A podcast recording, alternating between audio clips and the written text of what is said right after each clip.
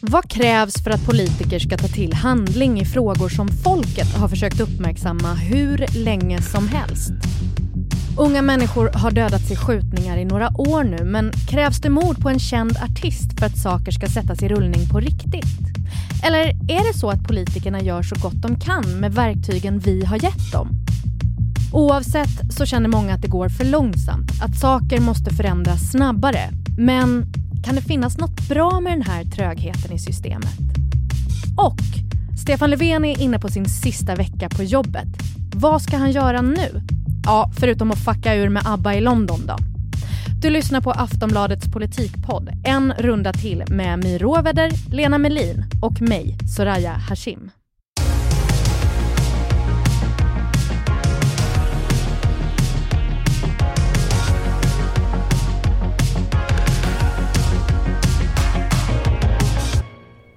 Välkomna tillbaka, Lena och My. Tack så mycket. Det är, ja, men det, det är deppiga jävla tider vi lever i. För en vecka sedan så sköts artisten Einar till döds, en i raden av alla dessa unga människor som mördas i gängstrider. Och människor har bönat och bett om lösningar på det här hur länge som helst. Men nu då, i och med att Einar var en av Sveriges största artister, så lyser strålkastaren starkare än någonsin mot ämnet gängvåld. Det är tragiskt. Ett, ett ungt liv som släcks och eh, jag förstår också, har förstått att han har betytt mycket för, för många unga människor.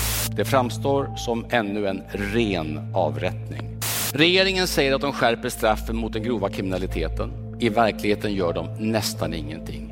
Det som polisen säger och det tycker jag debatten börjar mogna lite grann att, att det kommer inte bara räcka med att låsa in gängkriminella. Vi måste också bryta nyrekryteringen till gängen. Det är en synnerligen allvarlig situation vi har, vi har i Sverige. Trots att eh, polis och rättsväsendet varit mer offensiva än, än någonsin tidigare. Vad tänker ni när ni hör det här? Ja, men jag tänker lite som du att det är väldigt deppigt därför att det är en sån himla stor grej att bli kvitta på något sätt eller åtminstone minimera det. Mm. Uh, att det kräver stora och långa insatser från samhället. Känns det hopplöst?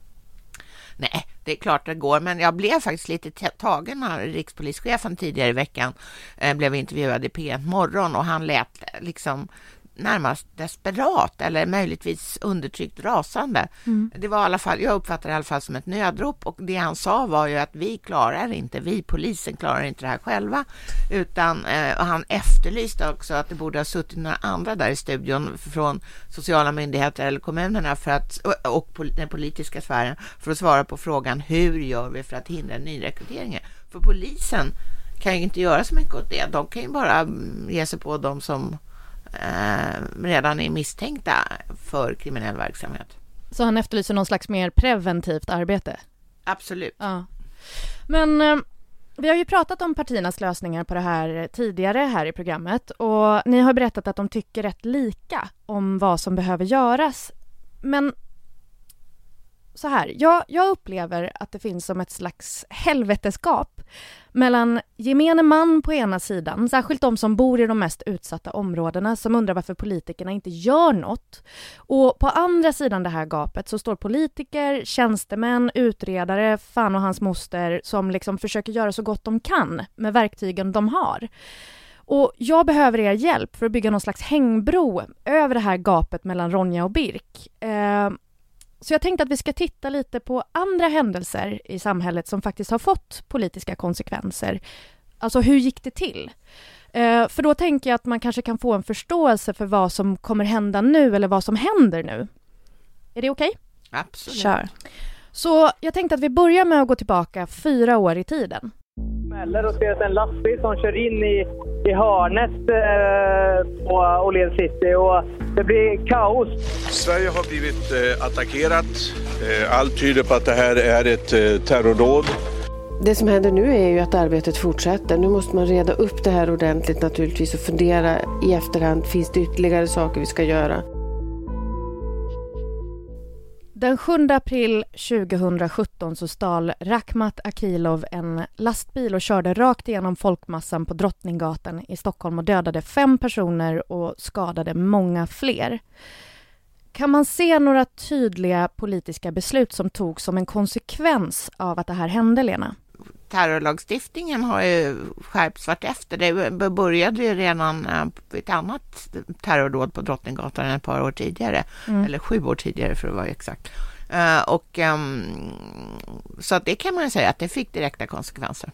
Det här var ju, det fanns ju väldigt mycket, precis som Lena säger, terrorlagstiftning som låg redan, som liksom utreddes när det här hände på Drottninggatan. Och det här liksom i april 2017, då hade vi redan sett flera stycken sådana här dåd med någon person som hade tagit liksom en lastbil, kört in i en folkmassa. Det hade börjat redan under 2016 så det var ju inte en okänd händelse. Jag, I andra länder menar du? Precis, i ja. andra länder. Och jag var ju vid Drottninggatan när det här hände och det var så himla tydligt. Alla visste direkt vad som hade hänt. Jag var liksom var på väg ut på Drottninggatan och det kom en vägg av människor mot mig och alla förstod direkt liksom vad som hade hänt. Det fanns ju liksom en rörelse i samhället där det här var någonting som kunde hända. Mm. Eh, och det låg ju flera utredningar och man hade skärpt terrorlagstiftningen vid flera tillfällen. Det som tillkom efter Drottninggatan, det var ju det här med samröre, alltså att man hjälper till hjälper en terrororganisation på olika sätt. Det var det som utreddes och som blev, eh, som man gjorde liksom till ett brott efter Drottninggatan. Men, men om, vi, om vi tar en liten SO-lektion då, om du, om du kan gå igenom liksom hur går det till? Alltså det här det borde här man ju kunna om man har gått högstadiet. Men, men jag har glömt väldigt mycket av detta. Hur går det till när man vill skapa en ny lag efter en sån här händelse exempelvis? Sånt här är det bästa jag vet. Okay. Nej men eh, ledet är ju så här, man eh, tillsätter en utredning, den presenteras till regeringen, det blir en remissrunda så människor får tycka till, eh, instanser som då är drabbade, höll jag på säga, men de som, är, de som liksom har, kan ha någonting att säga om en lagstiftning. När man får in det här så skriver man en lagrådsremiss, alltså typ så här, vi tänker att lagen ska se ut så här. Lagrådet tittar på den och tycker till. Eh, sen så bryr sig en regering då om vad lagrådet säger eller så bryr de sig inte om vad lagrådet säger. Ofta gör de någon liten justering sådär och sen lägger man en proposition till riksdagen, alltså man lägger fram det här förslaget till riksdagen och så röstar riksdagen om den här lagen. För i Sverige är det ju riksdagen som stiftar lagar, det är inte regeringen som gör det, utan regeringen kan bara föreslå för riksdagen olika lagar som ska stiftas. Mm. Okej. Okay. Jag tänkte att vi ska titta på en annan händelse från i eh, våras, eller snarare fem händelser.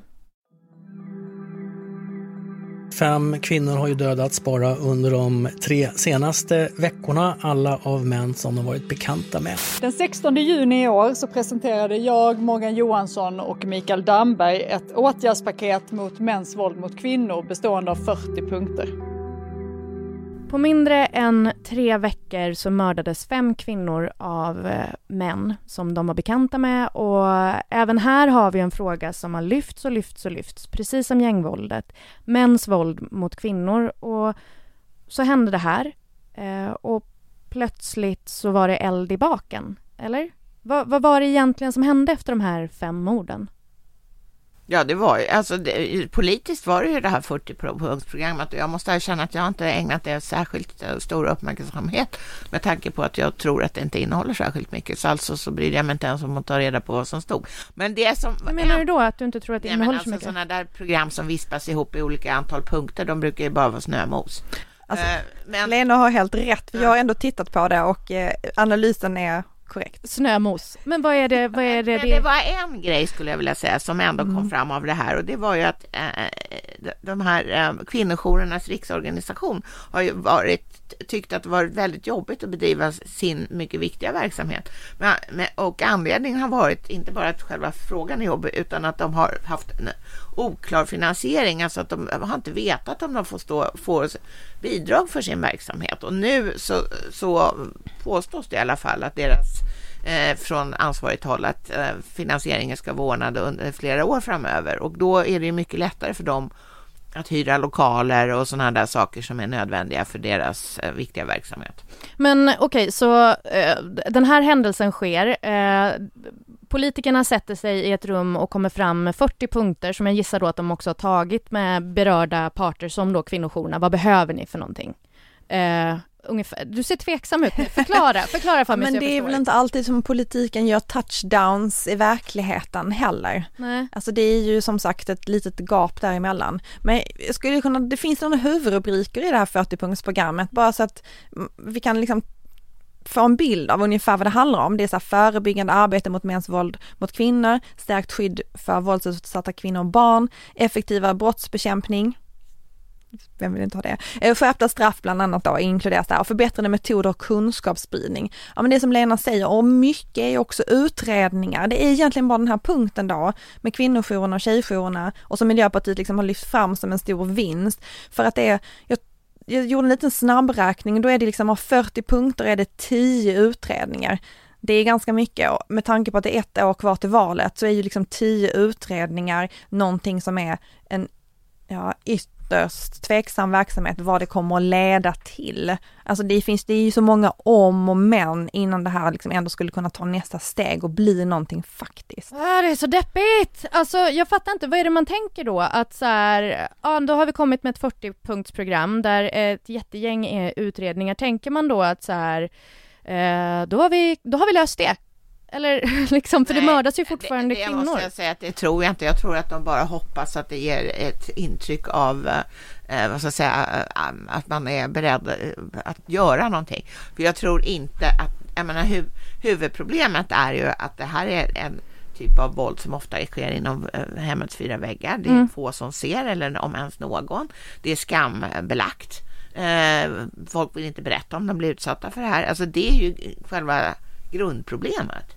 Ja, och, och det, och det är svårt inte, då helt kan, enkelt? Ja, det är svårt att lagstifta emot. Ja. Mm. Ja, det är så deppigt. Okej, okay, men en sak som jag har tänkt på som, som påverkar så himla många människor är ju förlossningsvården och där finns ju tydliga konsekvenser när vården inte har tillräckligt med resurser. Förutom förlossningsskador och att kvinnor får typ föda på motorvägen för att det är för långt till BB så finns det ju fall där både barn och födande har dött som en konsekvens av det här. Och ändå verkar ingenting hända. Förlossningsvården går fortfarande på knäna som vanligt. Så vad är det som gör att vissa händelser i samhället får så direkta politiska konsekvenser? Konsekvenser medan andra inte får det? Just förlossningsvården, det är ju så här, det är ju svårare för politiken när den här liksom när ansvarsnivåerna ligger någon annanstans än liksom på riksnivå. När det gäller förlossningsvården så är det ju inte ett statligt ansvar utan det är ju då ett regionalt ansvar. Det går ju att styra det på vissa sätt då med riktade statsbidrag. Mm. Men det är inte lika lätt. Alltså det här, här är liksom det här med, jag tror att vi har diskuterat en del nu med corona, liksom vilket ansvar ligger på vilken nivå i samhället. Och det är lite svårare när man inte, liksom inte är övergripande på det här sättet. Och jag menar om man man tittar på regionerna, de är också alla olika styrda. Det finns liksom politiska styren då i alla de här regionerna. För tillfället då så har vi ju en socialdemokratisk regering, men nästan alla regioner, tror alla utom en, är alliansstyrda och styrda av moderater. Och där finns ju liksom också en dragkamp emellan vad tycker en sosse-regering att man ska göra och vad vill alltså allians och moderata regioner göra. Det finns ju liksom en, en maktkamp däremellan också. Så det är regionernas eget ansvar att fördela resurserna som de tycker passar bäst? De kan få riktade statsbidrag, absolut, men det är ju också någonting som en regering inte heller kan ta lika mycket cred för ifall det blir bättre. Där studsar jag, så du menar liksom ändå att, att det är lite en del av detta handlar, ja det är jätte, vadå, så det, jag, en del av det här handlar om vad man får cred för? Ansvarsfördelningen är olika. En regering behöver inte ta ansvar för att en förlossningsvård i en region inte fungerar. Men när det gäller vård finns det en annan aspekt också och det är ju att man eh, om man ska ha så att säga högspecialiserad vård mm. eh, så är det ofta dyrt och då vill man inte ha, då har man inte råd att ha det på, på i hela området så att säga, utan då koncentreras det till vissa ställen. Och det gäller ju inte bara förlossningsvården utan det gäller ju all typ av vård. Och det kan ju upplevas som väldigt jobbigt att det blir längre till själva vårdstället och även om kanske den vård som ges är bättre. Mm. Men där får man ju väga eh, avstånd mot eh, högspecialisering helt enkelt. Om vi går tillbaka då, om vi kommer tillbaka till eh, oktober 2021. Einar var den 40 personen som dött av de här snart 300 skjutningarna där även 90 personer har skadats bara i år. Vad kommer hända nu? Det här var ju redan en fråga som dominerade debatten så att jag tror att det kommer inte vara någon större skillnad på att ännu en person har blivit skjuten, oavsett om det här var liksom en profilerad artist som skiljer ut sig då från vissa av de andra som har blivit skjutna. Det, det här är ju liksom de här gangsterrapparna, de är ju ändå i den här världen, det är inte bara Einar. Um, men jag tror att det som kan hända, eller det som händer nu, det är ju att vi går in i en valrörelse. Mm. Och att det är väl framförallt det som kommer påverka att det kommer bli ett tryck i den här frågan. För att det är en viktig fråga, framförallt för liksom oppositionen som verkligen profilerat sig i det här. Men också för att det är en fråga som är svår för regeringen att hantera. De har ju ändå ansvar för den här fram till nästa val. Uh, och de måste försöka visa på någonting, något resultat ju, för att kunna liksom vara stärkta i en valrörelse kring det här. Men, men tror men, ni att det här kan leda till att åtgärder som det har varit konflikt om innan eh, plötsligt ac accepteras av majoriteten? Lagstiftning kan på, säkert påverkas av, av, av eh, eller det är jag helt säker på att den gör, av, av så att säga händelseutveckling i Sverige oavsett om det är Einar som drabbas eller någon annan. Men det som jag tycker vore intressant och väldigt välkommet om, eh, om, det, om det gav upphov till det här, det är ju just det som rikspolischefen tog upp, nämligen hur hejdar man nyrekrytering? Hur gör man? Hur beter man sig för att se till att inte massa unga killar, för det är nästan, det är nästan uteslutande de det handlar om, faktiskt dras till de här gängen och att de rekryteras så tidigt som i förskolan. Det är ju förskräckligt. Tror du att det är där det nya politiska fokuset kommer ja, ligga? Det hoppas jag, därför att hålla på och uppfinna nya straff som till exempel för att bära runt en handgranat i, i väskan som man nu inte får längre. Eh, det, det, det är skillnad från tidigare. Ja, så, så, så det, det, lapp, såna Alla lapp, mina handgranater. Ja, men så, Var ska alltså, de nu? Jag, jag får ta dem i en påse istället. Nej. Nej, men man, man, alltså, det, det, det, är klart att lagstiftningen ska vara up to date, men det är inte det.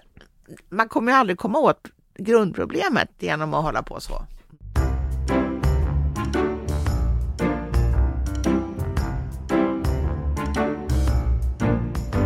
Det är, det är Stefan Löfvens sista vecka. Hur, eh, hur som, mår han? Som S-ledare.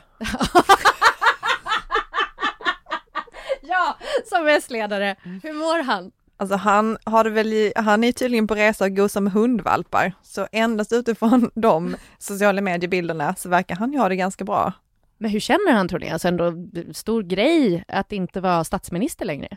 Ja, men jag tror han är lättad. Aha. Det har varit, inte varit en, en lätt tid för honom. Nej, det har det ju inte. Vad, vad, vad vet vi egentligen om vad han kommer göra när han slutar? Inte så mycket. Han har typ lagt ut en kontaktannons där han säger så här, jag skulle kunna tänka mig internationellt arbete. Hör av er, säg berätta. Wink, wink. Exakt. Det är liksom det här, ja, jag vill inte bli konsult. Nej, men jag, Nej, och sen framför allt har jag hört att det han egentligen säger att jag vill inte ha någon Säpo i hälarna. Nej, men precis, för visst var det någonting med det som hade att göra med att han då ville go international mm. för att liksom inte bli igenkänd inkognito. Eh, men vad tror ni då? Kommer han få en blomstrande ny karriär? blomstrande kanske lite sent vid hans ålder, men 64. Eh, han kommer säkert att hålla sig sysselsatt och hitta intressanta arbetsuppgifter, det tror jag. Ja. Men i övrigt kommer han gå på bio, lyssna på konserter och mysa med Ulla tror jag. Alltså hon är ju pensionär, han är ju bara 64 år, men hon är ju pensionär för hon är några år äldre. Så hon har liksom fattat hur man gör pensionär helt enkelt? Alltså om man har tittat på den, de har gjort sådana mysintervjuer så är det mycket räkpasta och vin, så det tror jag absolut att hon vet hur man gör. Åh oh, gud vad mysigt. Vi ska jämföra lite med andra statsministrar som har slutat. Tack för allt! Tack för vänskap! Tack för stöd! Tack för solidaritet! Tack för de härligaste år jag har haft i mitt liv. Jag kommer eh, till våren att överlämna ordförandeskapet till Moderaterna till en efterträdare. I nästa års valrörelse så kommer Socialdemokraterna att ledas av någon annan än mig. Kan vi börja prata om Fredrik Reinfeldt? Vad gör han egentligen nu för tiden? Han skriver böcker, konsultar och håller föredrag. Det har så många liksom titlar. Det är liksom Senior Advisor, Initiative, uh, Doobidoobido. Uh, konsult. Konsult. Uh, var det väntat? Alltså det som jag tror han tycker är roligast är att skriva böcker. Det senaste handlar ju då om amerikanska valet och det fick han ju väldigt, i alla fall publicitet kring boken och huruvida den sålde vet jag inte. Har, har ni läst dem? Nej. Ja, jo, jag läste faktiskt hans första och andra bok. Den första var tråkig, den andra var urtråkig. jag vill ändå ge honom, eftersom jag nu ska få mig själv igen, eh, att han var ju också och är småbarnsförälder. Ja. Så det här med internationell karriär, det hade kanske varit lite omodernt för honom att ge sig på det och kasta sig på ett flygplan ut i världen när man har, jag tror att hans dotter nu är fem år. Alltså är han nu. en engagerad farsa? Han är ju ordförande i en internationell organisation för så här mineralbrytning. Tror jag det är. Okej, okay. ja. så han tar inte alla lämningarna Nej. till förskolan helt enkelt? Nej. Men Göran Persson, vad, vad händer i hans liv? What's up?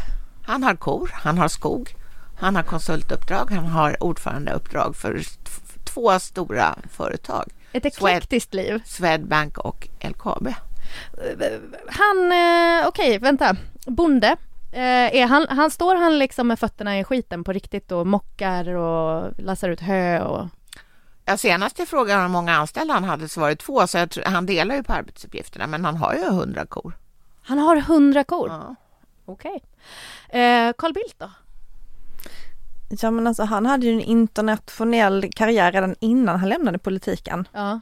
Eh, och sen kom han ju tillbaka. Han är väl en av de få som liksom har kommit tillbaka. Han kom tillbaka som utrikesminister under alliansregeringen. Och annars ska visa att han är konsult. Ja, jag vet men inte vad han sysslar med nu. Alltså här känner jag Han var ju också ett eh, val plåster höll jag på att säga, vad säger vallokomotiv inför valet 2018 för Moderaterna ja. innan de kickade ut hans fru Anna Maria Corazza Bildt från eh, EU-parlamentet. Det har varit lite kärvt sedan dess men, men så att han är väl, ja, en moderat i svängen fortfarande. Eh, jag såg en bild häromdagen på Anna Kinberg Batras Instagram där hon stod eh, och tog en selfie tillsammans med Ingvar Carlsson på Medborgarplatsen i Stockholm. Är han också konsult? Säg att han inte är konsult. Nej, men han, han har ju dragit sig tillbaka helt enkelt. Han lever pensionärsliv. Ja. ja. Vad skönt att höra. Han skriver ju också böcker mm. och ska väl säga, utan att vara en litteraturkritiker, att han skriver, skriver lite bättre än Fredrik Reinfeldt. Vad kommer Stefan Löfvens memoarer heta? Jag tänker att den borde heta den här pojke och det här numret som han tog upp som han var när han kom till det här barnhemmet. Alltså det finns ju redan en väldigt bra bok om Stefan Löfven, ja. tycker jag. Den här som är skriven av Lova Olsson och Lena Hennel som heter Humlan som flyger. Och jag tycker att om man läser den så, alltså man blir, jag blir lite nyfiken på resten. Jag blir väldigt också nyfiken på det här med var kommer alla de här speciella politiska lösningarna ifrån som han har sysslat med under den här mandat, de här två mandatperioderna. Liksom var, var är de födda och hur föddes de? Vad är myllan för de här? Ska den heta det? Förhandlaren? Är det ett bra namn Lena? Vad ska den heta? Alltså han har inte varit någon vidare förhandlare som, som politiker utan det, det var han säkert när han var på IF Metall men som, som politiker har han varit en urdålig förhandlare. Det är alla, namnet på hans memoarer. Alltså, alla uppgörelser har ju spruckit. Alltså de stora, alltså decemberöverenskommelsen i januariavtalet. Så att, Nej, jag vet inte. Jag vet inte ens om han är, är, ens intresserad av att skriva en bok. Sen, sen tänker jag så här, när man, när man haft en sån himla framstående position som statsminister, det, det kan ju inte vara helt enkelt att lämna liksom, eh, strålkastarljuset på det sättet. Eh, vem tror ni hade velat köra en runda till som statsminister av de som inte är det längre?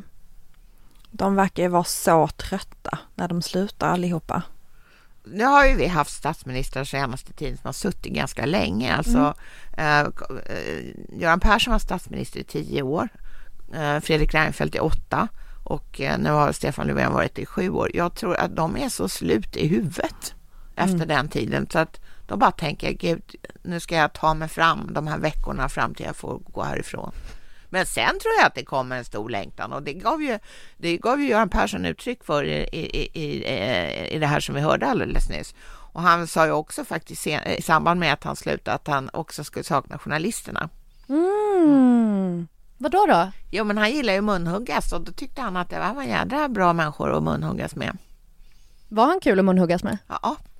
På vilket sätt? Nej, men därför han var ju ganska fräck, eller är ganska fräck. Eh, och då kan man vara fräck tillbaka, det är ju roligt.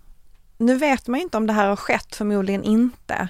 Men alltså den här ordförande Persson, den här dokumentären som Fichtelius gjorde, det är ju liksom den största underhållningen av all underhållning. Och det hade ju varit underbart om någon annan statsminister släppte in någon på det sättet igen, för det är ju otroligt spännande att se liksom, fler tankar bakom politiken än bara det här liksom dagliga nyhetsarbetet. Det hade ju varit underbart om någon hade gjort så här med Löfven utan att vi visste om det under de här åren. Ja. Skulle du gilla en sån dokumentär, Lena? Ja, det är också svårt att veta i förväg. Det kan ju vara dödstrist också. det är inte alla som har träffat Helmut Kohl som äter smör. Nej. Nej, och, och jag menar, Göran Persson var, är ju lite av en estradör. Ja. Det är ju inte Stefan Löfven och det var ju inte Fredrik Reinfeldt heller. Saknar ni GP? Eller det låter som att du saknar GP. Ja, men just det där hans lite um, skojsamma sida, alltså just det här att han gillar att munhuggas och han gillar ju att vara i rampljuset. Och han hade, han var också väldigt busfräck skulle jag säga. 90-talet bjöd ju på två ganska busfräcka statsministrar med både Carl Bildt och Göran Persson. Ja. Det var rivigt. Tack för den här veckan, My och Lena. Aftonbladets politikpodd En runda till är slut för den här gången. Tack så hemskt mycket för att ni lyssnar. Vi som har gjort programmet idag är producent Olivia Svensson, experter My Råveder och Lena Melin och jag heter Soraya Hashim. Vi är tillbaka nästa torsdag igen och vi hörs då. Ha det gott!